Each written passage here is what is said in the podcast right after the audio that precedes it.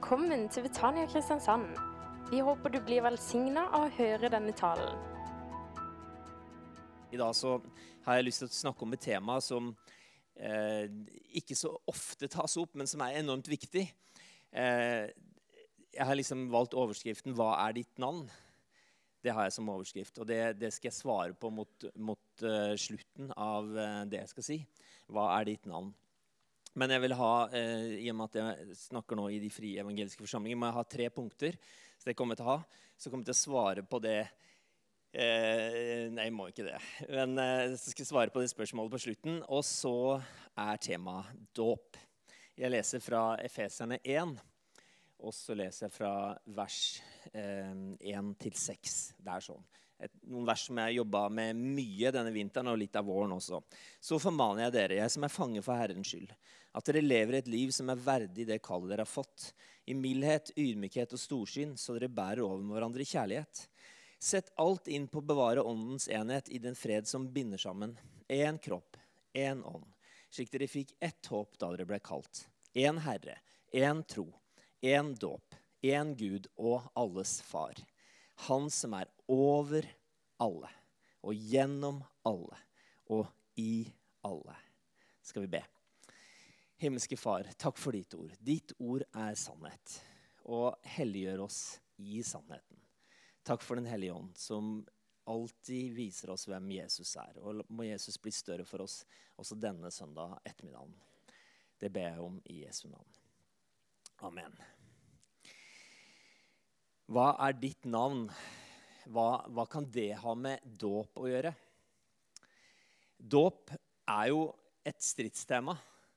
Og når vi leste nå at det står, det står her én dåp, så kan man jo begynne å lure. Én dåp, hva menes med det?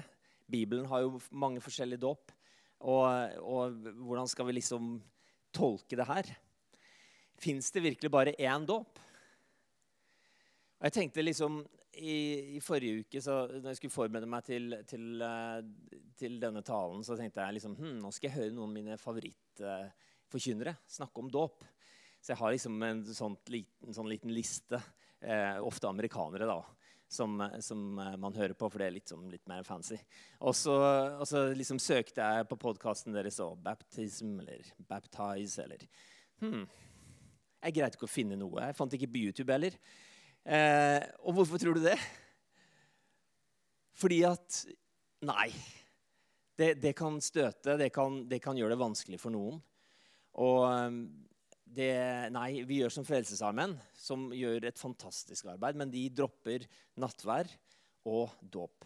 Fordi at det er, det er så mange forskjellige meninger rundt det. Det er så mye eh, sikkert også følelser rundt det, tradisjoner rundt det. Men jeg er ikke her for å selge inn noen ting, og det, det, det var deilig, det.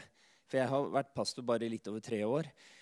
Og, og, tok over en menighet som er omtrent eh, på størrelse med den her. Eh, 350 medlemmer ca. Og, og, så tenkte jeg nå, nå, nå må jeg stå på, for jeg skal jo gjøre det bra.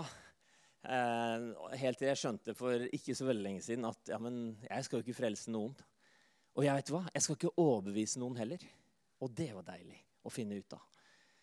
For jeg har nødt til å stole på at det er Gud som overbeviser. Hvis jeg greier å selge inn noe, så er det sikkert en som greier å selge inn noe som er enda bedre, som er flinkere enn meg til å argumentere. eller hva det måtte være. Men jeg stoler på Gud, det er i hvert fall det jeg ønsker, og vil ønsker av hele mitt hjerte å forkynne Hans sitt ord. Og så må Han med sin ånd overbevise deg. Og så må eh, du ta det ansvaret og være åpen. Ja, men hva er det som, som, som, er min vei i dette her? Hva gjør jeg med det jeg har hørt? Det er jo sånn vi må tenke, ikke sant? Så i dag får du litt, eh, litt sånn kjøtt, eh, kjøttmåltid. Så hvis det er noen sultne her, så får du noe ut av det. Eh, det tror jeg. Og så er Gud nådig hvis jeg sier noe som ikke skulle falle i god jord, da, eller som ikke er av ordet.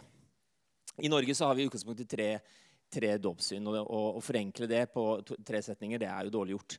Men, men eh, norske kirke, katolske kirke du døper for å bli Guds barn. Ok? Og så har du det metodistiske synet. Eh, de døper fordi man er Guds barn. Og så det baptistiske synet, som Betania i Kristiansand representerer, som Sørlandskirken, som jeg jobber i, eh, representerer. Du lar deg døpe fordi du har bestemt deg for å være Guds barn. Eh, veldig forenkla. Okay, så det er tre, tre dåpssyn i Norge. Eh, skal jeg si litt mer om det etterpå, for jeg har tre punkter. Eh, og så er det sånn at eh, I Bibelen så finner du også flere eh, typer dåp. Det er jo rart når Johannes sier eh, Han ønsker jo ikke at Jesus skal eh, bli døpt av han. Så sier han på Jesus ja, men han her han er ikke verdt å ta, ta sandalene av engang. Altså, det er jo egentlig veldig ydmykende i seg sjøl. Det, det, det, er ikke min greie når det gjelder han her engang. For at han skal døpe dere i Den hellige ånd og ild. Han skal døpe dere i Den hellige ånd og ild. Så da er det én dåp. Ja, ok. Men da eh, Bibelen er ikke feil. Så det er én vanndåp. Det er én dåp i Den hellige ånd. Det er også en dåp i ild. Og det Jeg har aldri hørt noen Kanskje Reiner Bunke. Fire! Hvis noen kjenner han. Han, eh, han snakka nok om, om, Den hellige ild. Ja, han snakka om det om, om ild. Ja. Dåpen i ild. Men eh, ellers så, så, er det et lerret jeg må blekke òg. Men eh, la oss bare se kjapt på det. I Gammeltestamentet så, så har du ikke sånn dåp som vi kjenner til i nytestamentlig eh, tradisjon. Altså, du har eh, vaskeritualer, og du har renselsesbad, står det om i, i loven, i Mosebøkene. Eh, og så vet vi at i, i, mange landsbyer, når de har holdt på med utgravinger og sånne ting eh, dåp, det, ja, det er faktisk det. Eh, så eh, kaller de det mikve. Og der har man funnet da at eh, veldig veldig mange steder så hadde man et type basseng. Altså et, et bad eh, som man brukte. Så I Gamle Testamentet så kjente de til tradisjonen. Det står i loven. Og man tenkte at da, idet man eh, vaska seg der, og spesielt for levitene som hadde prestetjenesten, så var det nødvendig for å da kunne gjøre tjeneste innenfor Gud. Og det har man brukt som parallell til selvfølgelig at det, det, et av stridsstemmene er er det virkelig frelse i dåpen, eller er det tilgivelse for syndene i dåpen. skal vi snakke om. Men det viser til egentlig tre pakter som vi kjenner fra, fra Gammeltestamentet dåp. For dåp er også en pakt. Det er en samvittighetspakt, står det i 1. Peters brev, kapittel 3. Og Noah, står det, han ble frelst ved vann. Vann er et viktig ord i Bibelen. Og, og um, Noah og hans familie gikk jo inn i arken. Så kom vannet. Og bergenserne tror jo ikke på den historien, for de har jo opplevd 40 dager med regn. ikke sant?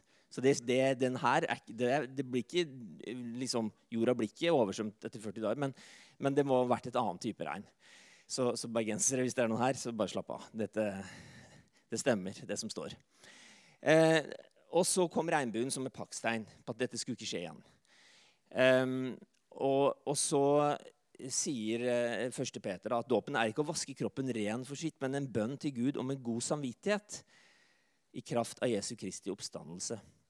Så det er en samvittighetspakt eh, som da viser tilbake til Noah. Og Abraham han eh, fikk jo liksom beskjed om å dra, dra, ta med deg familien og dra av gårde.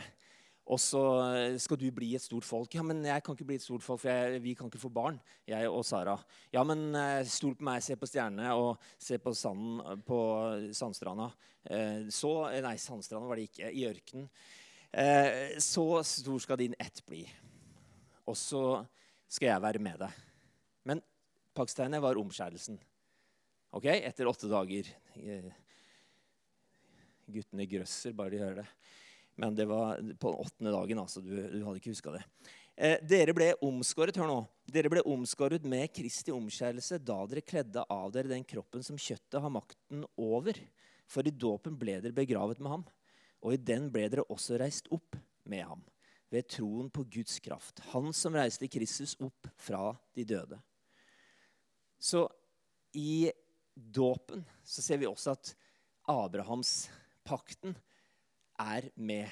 I og med at den omskjærelsen vi snakker om, er det, å, eh, det er hjertets omskjærelse. Hvor hjertet er det som Gud ser til. Hvor, hvor Kristus eh, hører hjemme. kan du si. Troen, Jesus bor i troen i våre hjerter, står det. Og så Moses, da. Han han eh, ble jo frelst ved vann. Altså Da han skulle rømme fra Egypt, ti landeplager, og, og dødsengelen kom, og så stakk de Og selv ikke da ville farao gi, gi israelittene lov, egentlig. Altså Han sa ja, men gå, da. Men så kom de jo etter. De angra tydeligvis. Og så kan man jo tenke ja, men hvordan skal Gud ordne opp i dette her? Hvordan skal han redde israelittene? Jo, med vann. Så han sendte Han lot, lot vannet altså bli tørt da skulle krysse eh, over Rødehavet. Og så lot han vannet komme og redda israelittene på den måten. Så, så vann har jo en, en eh, enorm betydning i Bibelen. Eh, også i forhold til det å bli redda. Så eh, kjenner dere kanskje igjen Jeg vet ikke om dere hadde gjetta hvem dette var. Men det her er da eh, forsøk på å illustrere Johannes. Det var litt av en type. Han hadde en utrolig takknemlig oppgave når det gjelder forkynnelsen. Så forberedelsene hans til neste tale den var ganske grei. Han hadde tre punkter. Det var omvend dere, bekjenn syndene og la dere døpe. Det var hans sine tre punkter. Um, den skulle jeg ha greid å huske utenat. Um, og så eh, gikk han ut i ørkenen så forkynte han det her. Og hvorfor gjorde han det? Hva var poenget med den dåpen? For det er Nytestamentet vi er i nå. ikke sant? Og han forkynte at det skulle komme en etter han. Så han viste vei for det som var Jesus sin hovedoppgave, nemlig å fri oss fra våre synder. Fri oss fra død og gi oss et nytt liv. Og Det var det eh, Johannes forkynte. Yes, kom, la dere døpe til syndenes forlatelse. Og Da Jesus kommer, det var én dåp, så kommer Jesus, det er nummer to i Nytestamentet. Så får Jesus eh, Nei, for Johannes ser Jesus sier nei, men du vet hva, du kan jo ikke bli med på denne dåpen, for du har jo ikke gjort synd. Altså, Se deg, Guds lam, som bærer verdens synd. Du skal jo bære verdens synd, så du, du, kan, du kan ikke bli døpt av meg, sier Johannes. Nei, men Johannes, La det skje, det som jeg sier til deg, og det som Gud har bestemt. Og så døpte Johannes Jesus under med han. Og så viste Jesus den veien som vi skulle gå. Det gjorde han jo alltid. Jesus har vært på de stedene som han spør deg om å gå. Så at du aldri trenger å, å gå et sted ikke han har vært. Det samme gjorde han med nattverden, som vi, vi fikk dele i dag. Han viste oss hvordan det skulle være. Og, og, vi vet også at Den hellige ånd kom over Jesus. Han begynte tjenesten. Men Jesus sin dåp det viser vei til hvordan han ønsker at vi også skal la oss døpe. Fordi punkt én kommer nå. Det er en lydighetshandling mot Gud. Det er dåp. Det er å være lydig mot Gud og Hans ord. Og, og hvordan kan jeg si det? Jo, um, vi skal lese noen vers eh, etterpå, så jeg skal bare forklare det, om at Jesus også måtte være lydig. Men, men, jeg har ikke brukt det ordet 'lydig' så veldig mye mot mine barn. Eh, jeg har absolutt eh, hatt regler og, ikke noe sånn fri barneoppdragelseopplegg. Men, men, det ordet har jeg ikke brukt så mye. Men min far, derimot Du skal være lydig. Ja, nå må du være lydig. Det hørte jeg ganske mange ganger. Og en av de tingene som jeg fikk beskjed om å være lydig på, det var eh, kortspill. Så kortstokken med konge, knekt, dame eller disse her tingene, det var forbudt. Og så fikk vi liksom aldri helt forklart men hva var det med den kortstokken. Men, men vi kjøpte jo kortstokk, for det var jo kjempespennende. Vriotter og amerikanere og ikke sant, hva det måtte være. Og spilte og koste oss. Mens han ikke så på. Eh, helt til en dag eh, Vi var i Sarensdal, jeg og en kamerat, og vi, vi, vi hadde eget rom. For vi jobba litt der og sånne ting. Vi var tolv år gamle. Og så eh, kommer han på overraskende besøk, besøk, inn på rommet vårt. Så får han se kortstokken ligge der. Wow. Det skal jeg aldri glemme. Da var det lydighet. Og han, ser, han så stykkevis og delt. Og jeg ønska jo for så vidt å være lydig mot han. Eh, men måtte ta konsekvensen av, av, den. Og han er jo en ivrig kortspiller en dag i dag, det skal, det skal sies. Så han så jo annerledes. Men Eh, det som er viktig også når vi tenker på dåp, og, og, hvis jeg tenker på min far, så kunne jeg godt ha sagt for en tomskalle. Åssen er det mulig å gi meg sånne regler? Jeg kommer til å hate tro. Men det gjorde jeg ikke. For jeg, jeg lærte Jesus å kjenne eh, mye før det. Så jeg, jeg, så jeg visste at, eh, at eh, Gud fantes, og at Jesus var virkelig. Så om det var en kortstokker hva han holdt på med, det, det så. Men han, hans forklaring i ettertid er jo at han opplevde jo at folk spilte seg fra gård og grunn, som det heter. Altså, De spilte kortspill og blei veldig ivrige i byinga. ikke sant? Og så sa ja, men du kan ta gården min. Jeg, jeg legger den i potten. For nå, nå har jeg gode kort. Kommer sikkert til å vinne, for da kan jeg også få ditt vedskjul. Um, og så, Sånn gikk det, og så, så blei man plutselig uten, uh, uten hus. da. Og da var ikke det noe lurt. Så da tar vi Vi skal i hvert fall ikke ha noe sånn spilling her. Eh, måtte jo være konklusjonen, da, sånn som jeg skjønner det. Eh, men lydighet, det, det er undervurdert. Og, og, vi må tenke det at Bibelen det er en fantastisk veiviser. Og hvor Gud spør oss Han inviterer oss alltid. Det er ikke sånn 'Nå er du lydig.' Hvis ikke du gjør dette her, så Jo, det er en konsekvens. Men vi må huske på selv for, selv for, Adam og Eva så var det ikke sånn altså Hvorfor sa ikke Gud hvis dere spiser av det treet, og da, stakkars dere, kommer til å ødelegge for alle mennesker på hele jord. Det kommer til å bli masse, det kommer til å bli krig. Kommer til å bli, folk kommer til å drepe hverandre. Hæ, hva er det for noe? Jo, det ja, all verdens hvis dere rører det treet. Men det var ikke det han sa. Han sier da vil dere få kunnskap om godt og ondt. Så ikke gjør det. For det er ikke bra for deg. Og det, og det, er sånn, Av og til så kan vi, vi, vi som, som forkynner, vi kommer av og til sant, med en pekefinger vi, og sier sånn må du gjøre, sånn må du ikke gjøre. Og stakkars deg, hvis ikke du er så bra som meg. Men det, det er, jo ikke sånn, det er jo ikke sånn evangeliet er.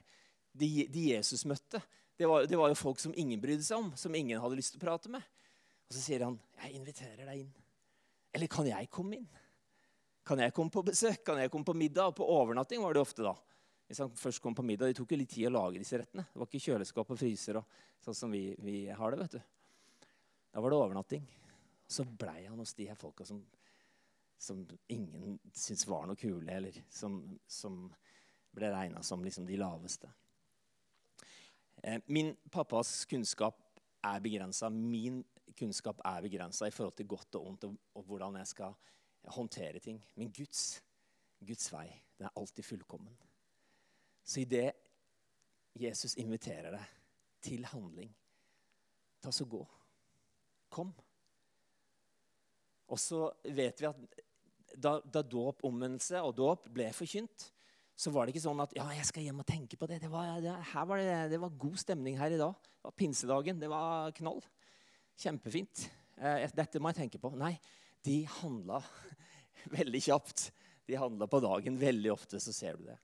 Og det er også en hemmelighet. Jeg har veldig tro på prosesser, og mange trenger det. Og vi har også vært vant med Noen er fra Den norske kirke her. Og jeg er ikke interessert i å snakke det ned. Ikke et sekund. Men jeg får snakke ut fra den forståelsen jeg har. Um, og så respekterer man at det er prosesser. Men i det du kjenner Vet du hva? Dette dette har jeg lyst til å handle på. Om det er dåp eller om det er andre ting. Så ikke vent for lenge. For plutselig så kan, finner du en unnskyldning. Og da er det liksom hmm, Da går du glipp av den, den muligheten. Men eh, for, for, å avslutte første punkt Jeg holder på med det enda. Jeg skal, jeg skal ikke eh, holde på hele kveld. Eh, men Jesus han var jo med til Jerusalem, og det var høytid. Og, og, vanligvis skulle man tre ganger i året opp til Jerusalem. Og så står det at Jesus han eh, var ikke reisefølge hjem. Han var tolv år gammel. Og barnevernet eh, eksisterte jo ikke. Ellers hadde jo Josef og Marie vært ille ute. De hadde, hadde ikke hatt sjans. Det hadde vært bekymringsmelding og, og blitt et, et, tiltak der. Men, men uh, Jesus han, uh, han, var ikke i følge, og de fant ut av det etter tre dager. Det er, det, det er veldig spesielt. Men, men, det er klart at det, her var det jo en landsby. Det kreves en landsby for å oppdra et menneske, så, så det må ha vært den tanken der. Um, og Nasaret var ikke mange folk der, så, så, eh, de kjente nok hverandre hele gjengen. Og så kommer de tilbake og leter etter han, og ja, hvorfor skjønte de ikke at jeg var her i Guds hus osv.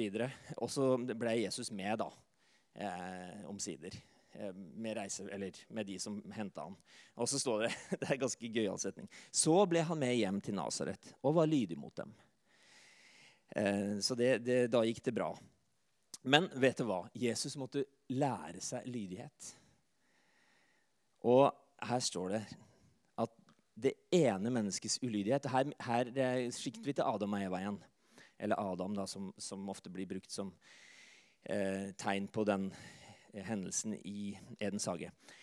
Slik det ene menneskets ulydighet gjorde de mange til syndere, skal nå den enes lydighet gjøre de mange rettferdighet.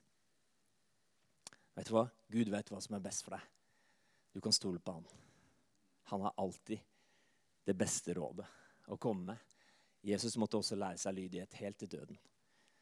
Og tenk for en velsignelse det ble. Wow. For en velsignelse. Lydighet er undervurdert. Jesus sier det i, misjonsanbefalingen. Så sier han nei, det er ikke anbefalingen. Jeg vil bare sjekke at du, du var ikke våken. Hei, stopp, skulle du sagt. Misjonsbefalingen. Da trådte Jesus fram og talte til dem. Jeg har fått all makt i himmelen og på jorden. Gå derfor gjør alle folkeslag til disipler. Kolon. Døp dem til Faderens og Sønnen og Den hellige ånds navn, og lær dem å holde alt det jeg befalte dere. Og se, jeg er med dere alle dager inntil verdens ende. Fordi Jesus har fått all makt, så kan vi gå ut med verdens beste budskap. Det går ikke an å toppe evangeliet. Og så er en del av evangeliet det er dåp. Du kommer ikke utenom det. Misjonsbefaling, siste Jesus sier. Nå, nå, har jeg bare en siste ting. Hør godt etter nå. Så skal jeg reise til min far og sitte ved Guds høyre hånd. Så sier han, hør på meg nå. Jeg har fått all makt. Men dere må gå ut nå, for nå skal ikke jeg være her lenger. Og hva skal dere gjøre? Jo, dere skal gå til alle folkeslag, alle mulige folk på Tinnheia og hvor, Slettheia, hvor det måtte være. Og så skal de døpes til Faderen og Sønnen og Den hellige ånds navn. Og så skal vi lære dem å holde alt. Dette er Guds oppfinnelse. Dåp er ikke noe jeg holder på med. Eh, men jeg tror at det å tro på Jesus og det å la seg døpe, det er to sider av samme sak. Du kan ikke liksom velge bort det ene. Tenke, ja, jeg la meg døpe, men jeg har ikke lyst til å tro. Altså, det, det, er ikke noe som heter. Begge deler hører med. Og jeg tror alle her er ganske enige med meg i akkurat det. Um, dåp Jeg bare forklarer det eh, til slutt i punkt én. Hva, hva, var punkt én igjen? Et langt punkt. de andre er ikke så lange, jeg lover. Var, hva var det med punkt én? Det var lydighet, ja. Lydighet er undervurdert. Dåp det betyr å senke helt ned. Jeg tror alle teologer i hele verden er enige i at det er det ordet betyr. Baptismo. Baptisma er det også en annen form for det på gresk. da. Det betyr full neddynkelse. Hele kroppen under. Det, det er ingen som diskuterer det engang. Og, og slik som eh, dåpen i, i, Norge eh, blant ja, Det er ca. halvparten av de som blir født, de lar seg døpe i Den norske kirke. Det var jo mange flere. Det var jo nesten 100% men, men eh, det som praktiseres der, det er en, en dåp som man ser tilbake på ca. 400-tallet. Da begynte man å høre om barndåp. Man har ikke liksom eldre kilder enn det. Augustin begynte å snakke om, han ledde på, på slutten av 300 og begynnelsen av 400. Han begynte å snakke om arvesynd. Er vi født syndere? Hva tenker du om det? Er vi født syndere? Og hvis det stemmer, så har Augustin et godt poeng. For da er det bare å få døpt folk i full fart. Hvis det er sånn at dåpen da er til frelse. Hvis du skjønner? Altså, det er lett for oss nå i, i 2022 å dømme folk og si liksom, det var en utrolig dårlig teologi. Hvordan kunne du tenke på det? Men Bibelen ble jo ikke trykka før Luther begynte å oversette den. i 1500-tallet. ikke sant? Altså, vi må tenke, det, det, var helt annerledes. Vi kan ikke se med våre briller og, og analysere de tankene der. Men det ble i hvert fall greia. Og, og, da begynte man å døpe barn. For man tenkte at ok, dåpen Fordi vi er syndere, så trenger vi å bli døpt. Og så blir vi Guds barn. Og Derfor er det såkalt nøddåp, og har det vært praktisert. Um, og, og, Luther, han som da eh, reformerte den katolske kirke Eller eh, det, han gjorde for så vidt det. Det blei jo en, en uh, en liten eh, eh no, noen eh, ting som skjedde i katolske kirke òg. Men, men, det endte jo med at eh, han måtte bryte fordi han ble forfulgt. Um, og så snakket jo han om det som var det aller viktigste, nemlig du kan ikke bli frelst uten å ta imot. Altså rettferdiggjørelsen av tro. Det, det, det handler jo ikke om å gi penger, slik at du, du kan få syndenes forlatelse. Nei, det det er, bare noe du kan ta imot. Det er gratis. Det er nåde. Vi sang om det her tidligere i dag. Eh, bare av din nåde. Det er en fantastisk sannhet. Og så begynte Luther å tenke ja, men eh, OK. Det fins bare én måte. Det er gratis. Det er å ta imot. Så hvordan funker dette her da med dåp? Så visste han jo at i, i hebreerne så står det at den rettferdige, nei, troen kommer av forkynnelsen. Og forkynnelsen kommer av Kristi ord. Hvordan får man tro? Ok, Den som tror og blir døpt.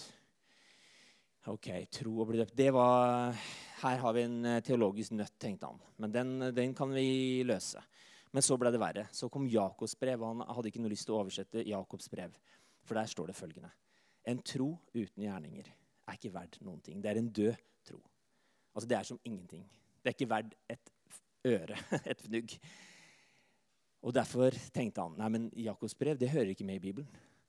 For det er jo bare nåde. Så hvordan kan vi løse dette her? Og ut ifra tankegangen at ikke det fantes et alternativ til barnedåp, så kan man jo tenke at ja, men da, da må vi finne en løsning på det her. En, et alternativ. Og så tenkte han at jo, da er det sånn at troen er jo en gave, men da kan vi ikke vite om spedbarn eh, eller små barn har tro. Så troen kommer av forkynnelsen. Ja, men ok, men troen er jo en gave. Så landa han meg på det. Og, og Jakobs brev den, den, den, var ikke så enkel å, å ta med seg. Og det, det, det, er dårlig gjort kanskje å bare eh, liksom summere opp, for det er mange andre ting man kunne ha sagt rundt eh, Den norske kirke og vår tradisjon her.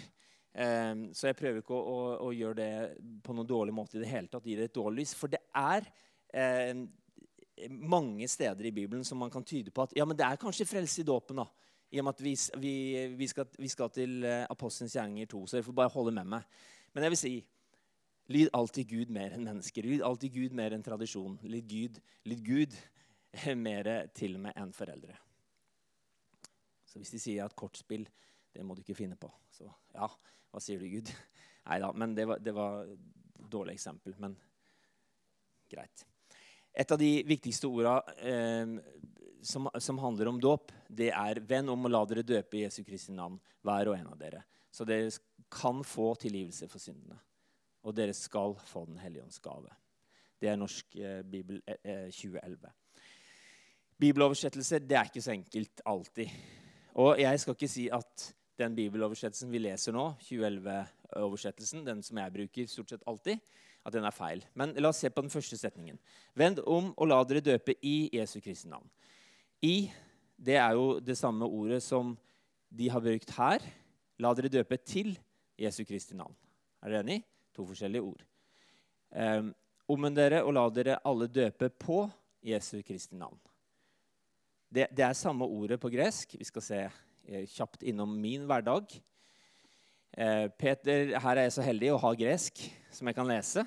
Så kan jeg kikke på alle betydningene av ordet, og så kan jeg se på alle stedene hvor dette er biblehub.com. Så kan jeg se på alle stedene hvor det ordet eh, Eller alle betydninger av ordet, og alle steder du finner det i Bibelen. Så Peter igjen um, um, To them repent, he declared, and be baptized, every one of you, in the name of Jesus Christ. Altså, her har de da oversatt dette til eller i eller ikke sant? Nenom Jesus Christ. Og så kommer det store eh, spørsmålet. Og heng med litt til, for jeg vet det kan være litt tungt. Dette ordet er 'for the forgiveness', står det. Så bli døpt, alle sammen, i Jesu navn. Det er det ikke noen tvil om. For tilgivelsen av syndene. Til tilgivelse av syndene, står det jo på alle tre oversettene vi leste nå. De tre vanligste i Norge. Og det ordet der Eis har som det andre ordet som vi leste, som var i, og det var på, og det var til Jesu navn, eh, mange forskjellige betydninger. Og så har de valgt da i, i Norge å si 'til eh, syndenes forlatelse'. Og greia er at Mange teologer er uenig i det. Det står jo egentlig ikke det. Og jeg skal ikke, Når du leser i Bibelen, ta og les og kos deg. Fordi at bibeloversettelsene er fantastisk. Men noen ganger for oss Bibel, eh, som, som liksom får lov til å studere Bibelen, da, så er det interessant å se. For her kan det like gjerne stå Omvend dere, la dere døpe til Jesu Kristi navn, fordi dere har fått syndenes forlatelse og Den hellige ånds gave. Så, så eh, det er liksom ikke sånn at fordi det står til altså Du lar deg døpe, og så får du syndenes forlatelse. Det er ikke nødvendigvis det det står. Det er det jeg vil bare vil si. For det er jo et, et vers som altså Når vi leser det her, så kan man jo tenke at det er frelse i dåpen. Men en siste ting før jeg, nå skal jeg virkelig jeg skal bli lettere. Men det går an å ta en negativ prøve på alt du leser. Og det betyr da Hvis det er sånn at det er tilgivelse i dåp, er det da sånn at hvis ikke jeg blir døpt, så er jeg ikke tilgitt? Altså Det er negativtesten på det. Er du enig? Du kan snu det om. Og Da kan man jo tenke på Jesus med røveren på korset, eller han som var lam og kom til Jesus og så sa han, dine syndere er deg tilgitt. Ja, men jeg, Han er lam. Han, det er ikke det. Jo, men det er det du først og fremst trenger. Det er syndenes forlatelse. Og da fikk han jo det. Han sa ikke hvis du først blir døpt, så skal vi se, snakke om syndene dine. Nei, vend om. Tro på evangeliet og la deg døpe.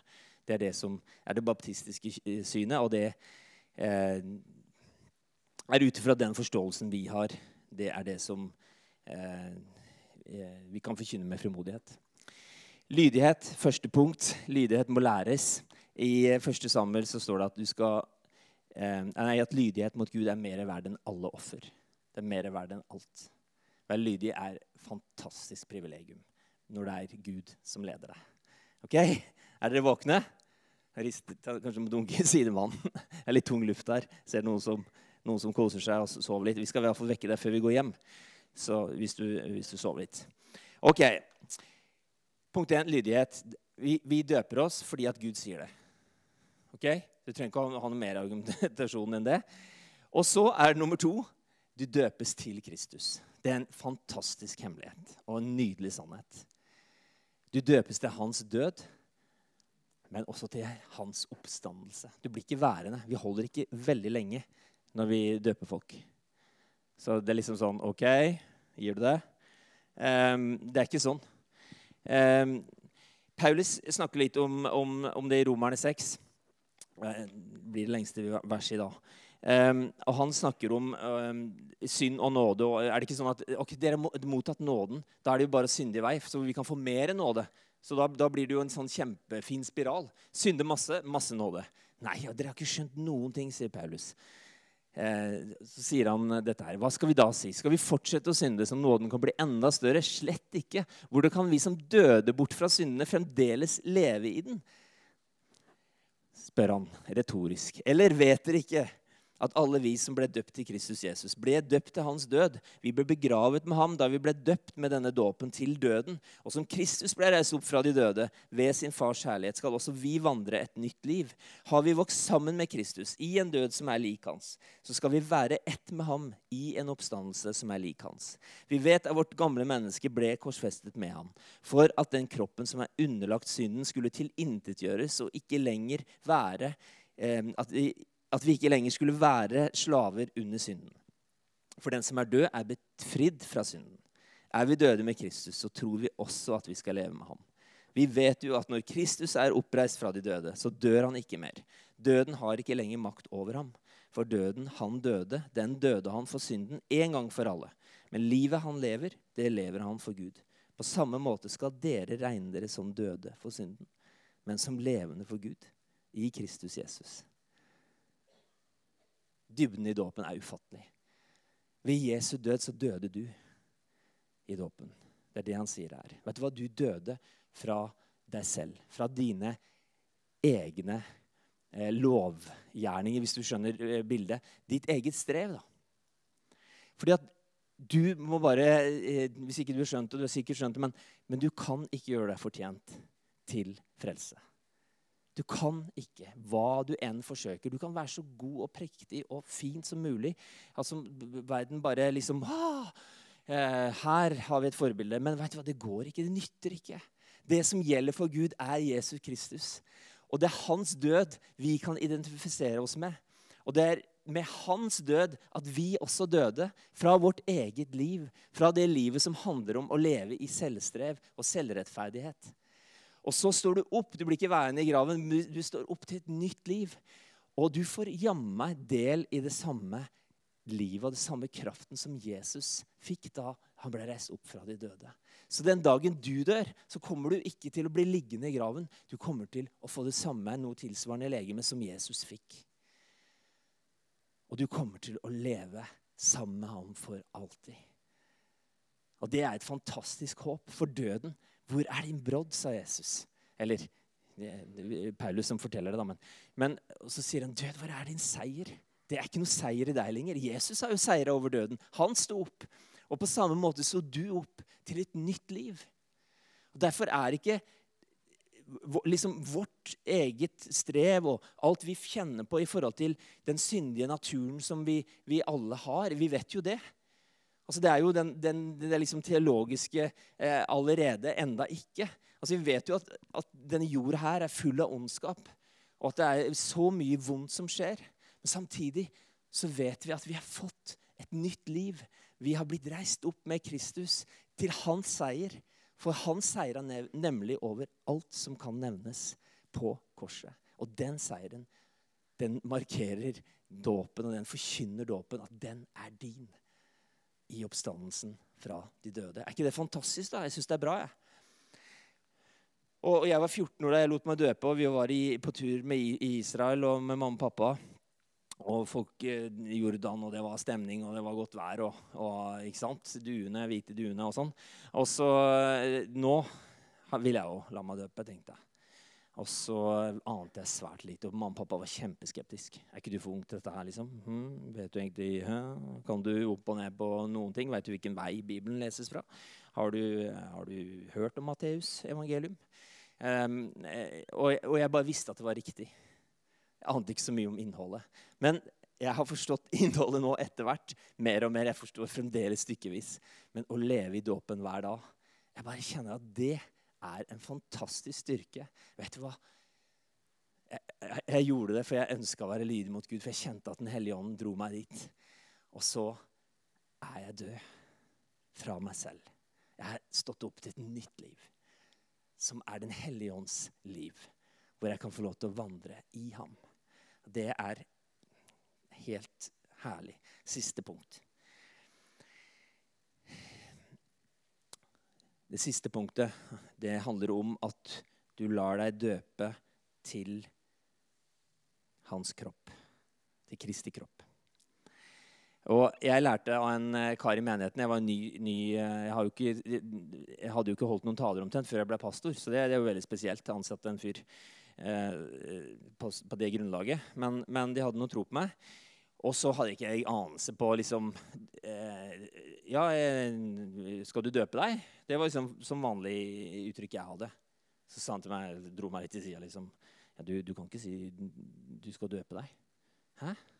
Nei, det heter ikke det. Nei Hva heter det? Ja, du, du må si 'Skal du la deg døpe'? Ja, men Hva er, hva er, forskjellen? Hva er greia? Jo, jeg skal fortelle deg hva som er greia, og jeg har skjønt det. Du kan ikke døpe deg selv. Så hvis du sier 'jeg skal døpe meg', så kan du ikke. Det går ikke. For det går ikke an å døpe seg selv. Du døpes av noen inn til en ny eh, virkelighet, egentlig. Du døpes inn til fellesskapet og inn til hans kropp. Så skal du høre hva, hva står i Efeserne. Alt la han under hans føtter, og ham hodet over alle ting. Det ga han til kirken, eller til menigheten, som er Kristi kropp, fylt av ham som fyller alt i alle. Vet Du hva, du kan ikke døpes alene. Og når du lar deg døpe, så døpes du inn til en familie. Du døpes til en familie med brødre og søstre som ønsker å bli kjent med deg, og som ønsker å se at dine gaver og alt det du har å by på, av, det Gud har gitt deg, skal komme i funksjon. Du er ikke kalt til å drive din egen ministry. Du er ikke kalt for å holde på for deg sjøl. Du er kalt til å bli en del av hans kropp. Derfor går det ikke an å la seg døpe til seg selv. Derfor går det ikke an å la seg døpe til noe annet. Du, du døper deg ikke inn i en menighet. Du døper deg ikke inn i et trossamfunn. Du døper deg til Kristus og hans kropp. Så du blir del av alle kristne på denne jorda. Og så går det an med medlemskap i menighet, og jeg bare kjenner at det, det liksom knirker litt der. Oi, hva driver han og holder på med han her unge eh, pastoren? Gamle mannen. Eh, eh, jo, vet du hva? Jeg tror, jeg tror jeg har et poeng. Det er Kristi kropp. Det det er den kroppen som vi døpes til. For å være hans kropp på jorda. Det er derfor vi dør og står opp for at vi skal leve det nye livet sammen i fellesskap. For Det går ikke an å være kristen alene. Du tror at du kan greie deg sjøl. Det går ikke. Det går ikke bra en plass. For du er skapt for å leve sammen med andre. For å se folk, og for å gi noen en klem, og for å høre vet du hva, det er bra å se deg. Ja, det du, det du, har fått, det er så viktig, det er så verdifullt. Og så er det mange som går, inkludert meg sjøl. Så har jeg gått i mange år og tenkt at ja, men jeg er ikke noe viktig. Ikke noe, jeg har ikke noe å si om jeg kommer eller ei, eller om jeg er med her eller ikke. Det, det er ingen som bryr seg. Vet du hva? For en løgn. Vi blir lurt av og til. Vet du, hva? Vi er helt avhengig av hverandre. En kropp trenger jo alle delene. Og vet du hva? I Jesu kropp så er det plass til alle. Og det er behov for alle for at han skal bli synlig, og for at han skal bli, eh, komme i funksjon i Kristiansand og i området. Derfor er du så enormt viktig. Det er ingen som kan erstatte deg. Og I det øyeblikket du tror noe annet, så tror du på en løgn. For du har noe helt unikt som folk rundt deg trenger. Du kan si ting på en annen måte enn det jeg kan. Og du har noe å bringe som ikke jeg kan gi. Du har noe, du har sett noe, du har et hjerte og du har en visdom og, og du har kanskje ferdigheter som ikke jeg har. Så har vi gått rundt og tro at ja, men menighet er liksom det søndagsgreiene, og så var det litt kjedelig i dag. og så, oh, eh, Det er ikke det det handler om. I det du velger å, å ta imot det tilbudet, invitasjonen, og la deg døpe, så reises du opp for at du skal bli en del av den kroppen som er Kristi kropp. Det er uttrykket for at Jesus er på jorda i dag. Det er hans mulighet til å vise hvem han er til denne verden. Nå var jeg ivrig. Jeg skal avslutte med å svare på mitt spørsmål. Hva er ditt navn? I dåpen så bekrefter du også en ny identitet. Og jeg har fått mange navn opp igjennom. Mange navn som er bra, spesielt fra min mor. 'Peter, du er en sånn god gutt.' Og hver bursdag så sa hun ja, det, det, når du ble født, Peter, så skinte sola. Ja, det hadde vært overskya hele dagen. Men akkurat Å, himmelav. Og så sa jordmor når solen kom fram, ja, da visste vi det ville bli en solskinnsgutt. Og det ble det. Ikke sant? Å, herlig. Jeg skal ikke takke mamma. Hun, eh, hun, venter på meg i himmelen. Eh, og så har jeg hørt mye annet. Jeg har hørt mye dritt. Jeg har fått høre mye. Jeg hadde ett ord som, som jeg Hadde jeg fått det i dag, så jeg tror jeg hadde syntes det var litt gøy. Men jeg ble kalt for pyton. I dag hadde jeg bare tenkt Ikke sant? Men, men da var det bare pyton. Det er bare det verste som fins. Hei, pyton. OK. Eller de gangene jeg blir kalt idiot, eller og folk har ment det. Det har også skjedd. Og veldig mye annet. Og det, det, det, kan jeg jo stå her og snakke en hel kveld om. Men hva, hva, hva, har du blitt kalt for noe? Hva er det du går og tenker på som mennesker har kategorisert deg som? Som middelmådig eller stygg eller At du ikke duger eller ikke du har noe talent, ikke er noe flink? Eller hva, hva enda viktigere, hva har du sagt til deg sjøl? Vet du hva jeg sa til meg sjøl da jeg ble pastor? For jeg, jeg, eh, ja, jeg følte meg så ukvalifisert. Dette, dette, jeg har ikke greie på det. Jeg, jeg, kan ikke noe særlig om Bibelen. Jeg har ikke gått på bibelskole, jeg har ikke lært noe om Bibelen. Jeg har bare sittet og jeg har spilt bass, og så har jeg sittet på masse møter. Og så har det sikkert bare gått ut og inn. Så jeg, jeg, jeg tenkte om meg sjøl jeg, er ukvalifisert. Jeg, greier ikke det her. Det kommer ikke til å gå. For jeg, aner ikke hva jeg skal gjøre. Åssen skal jeg bygge team, og hvordan skal jeg holde ledersamlinger? og Åssen skal jeg liksom få alle frivillige medarbeiderne til å liksom Yes, go for kirke! Uh, jeg bare tenkte Jeg stempla meg sjøl ukvalifisert. Så tenkte jeg vet du hva? Dette her kommer sikkert til å gå rett til rett peisveien. Og så har jeg heldigvis bassen, for der er jeg ganske god. Så da har jeg i hvert fall noe. Jeg har i hvert fall én ting som jeg fikser. Hæ? Tenk, tenk åssen vi holder på. Jeg vet ikke hva du tenker på jeg. om deg sjøl. Jeg, jeg, har mange andre ting òg. Men, men, det lå så tungt på meg, så jeg bare tenkte ah, jeg skal bare riste det av meg. Så tenkte jeg er det Gud som har satt meg her, ja vel, så vil Han utruste meg. Så er det hver dag som gjelder for meg. Så får Han gi meg det jeg trenger for hver dag. Jeg vet ikke hva du sier om deg sjøl, at du er unyttig og uverdig. Eller at du, du, ikke duger, eller du er en synder, eller du, du, kan aldri oppføre deg bra nok, eller du kan aldri svare til forventningene, f.eks. For eksempel, at du liksom, du har vært en skuffelse. Jeg vet ikke hva du har hørt, og hva du har sagt til deg sjøl. Hva er ditt navn? Hva kaller du deg sjøl? Vet du hva? Ved dåpen har gode nyheter til deg her på slutten. Ved dåpen så ble du reist opp til et nytt liv. Vet Du hva? Du er i Kristus når du har latt deg døpe. Vet Du hva? Du har, du har reist, blitt reist opp sammen med han. Du har blitt satt i himmelen. Og vet du hva han sier til deg? Min elskede, hvor er du hen? Min elskede, kom og hør min stemme. Du er fantastisk. Du er skapt med en plan og hensikt. Du har fått oppleve denne 1. mai fordi at Gud har satt deg på denne jorda. Fordi at du har et oppdrag. Fordi at du er verd noen ting. Fordi at du er unik. Og Det er, det er ikke tomme ord, og det merker du òg. Det er ting som jeg har gått og jobba med, og som du også må jobbe med i ditt liv. Alle tankene som kommer, de raser inn. De kan rase inn etter bare en dag, så kan du føle at du er liksom helt mislykka. Nei, men, det, men vet du hva? Ved dåpen så ble jeg reist opp. Det er ikke lenger jeg som lever. Det er Kristus som lever i meg. Og det er ikke nok med det. Det er ikke bare Kristus som er i meg, men jeg er i Kristus. Og han omfavner meg, han støtter meg. Han sier at 'Vet du hva? Jeg har tro på deg fordi at jeg bor i deg'. Alt er mulig for Gud. Hvis vi begynner å, å miste sentrum sjøl. Og jeg har jobba så mye med det sjøl at jeg liksom hvordan kan jeg få, få liksom eh, etablert meg og få gjort det? Og, og hvordan er det jeg gjør det? Og så videre. Vet du hva? Det er helt uinteressant. Hva, hva, hvordan er det Jesus kan få lov til å bli synlig gjennom, gjennom mitt liv? Hvordan kan han bli æra? Så har jeg begynt å skjønne at jeg lever for én ting. Det er for å gi Gud ære.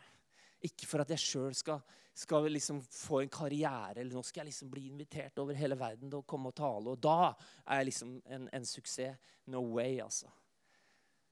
Det er Gud som får virke, og jeg skal gjøre det jeg kan for å være lydig. For å leve i dåpen, at jeg død og reist opp med Han. Og så skal jeg få lov til å proklamere den fantastiske seieren gjennom fellesskapet. Jeg trenger dere. Og så har jeg fått et navn som ikke begynner på pyton, PY. Men jeg har fått et annet navn. Jeg er Guds barn. Jeg er hans elskede. Jeg regna med Og You Say vet du, med en Daigle Det er så mange fine sanger som, som handler om hvem er du Ja, men ta, ta det imot. Og, og la Guds ord få lov til å bestemme hvem du er, og hva ditt navn er. Skal vi be sammen? Takk, Gud, takk for dine løfter, og takk for ditt ord er sannhet. Og vi ønsker å være lydige mot ditt ord. Jesus, hjelp oss til det. Gi oss et hjerte som er formbart, et hjerte som stadig vil lære mer, og et hjerte som er mykt. Jeg bare takker deg for det. Takk, Jesus, for at lydighet er bedre enn offer. Og hjelp oss til å følge deg før mennesker. Jeg takker deg, Herre, for at vi med dåpen kan få lov til å bekjenne og forkynne at vi er reist opp med deg. Vi døde med deg fra all dritten som vi har stelt i stand. Den dritten som vi har stelt i stand i dag, så kan vi få lov til å leve i dåpen og si ja, men jeg er reist opp til et nytt liv. Jeg er ren og jeg er rettferdig. Jeg har tatt imot din oppstandelseskraft og kan gå sammen med deg. Takk, Jesus, for det herlige budskapet evangeliet gir. Og takk for fellesskapet. Takk for din kropp, som er menigheten. La oss få lov til å kjenne ansvar for hverandre Uansett hvor, hvor, vi kommer fra, hvilken bakgrunn vi har, at vi har en del i hverandre. At vi har en del i deg. Takk for at vi har latt oss døpe til deg, Kristus, som er kropp, din kropp, som er menigheten på denne jorda. Og takk for det navnet du har gitt oss. Å, det er så mange navn. Men la din åpenbaring være over hver enkelt her. Og hvisk det navn som du gir hver enkelt inn i hjertet på hver enkelt Jesus. Takk for at du har kalt oss med navn. Vi er dine. Vi tilhører deg. Vi er elska. Vi er satt i himmelen med deg. Jeg takker deg for din godhet og kjærlighet. Amen. Du har nå hørt en tale fra Betania Kristiansand. For mer informasjon kan du besøke våre hjemmesider på betaniakrs.no.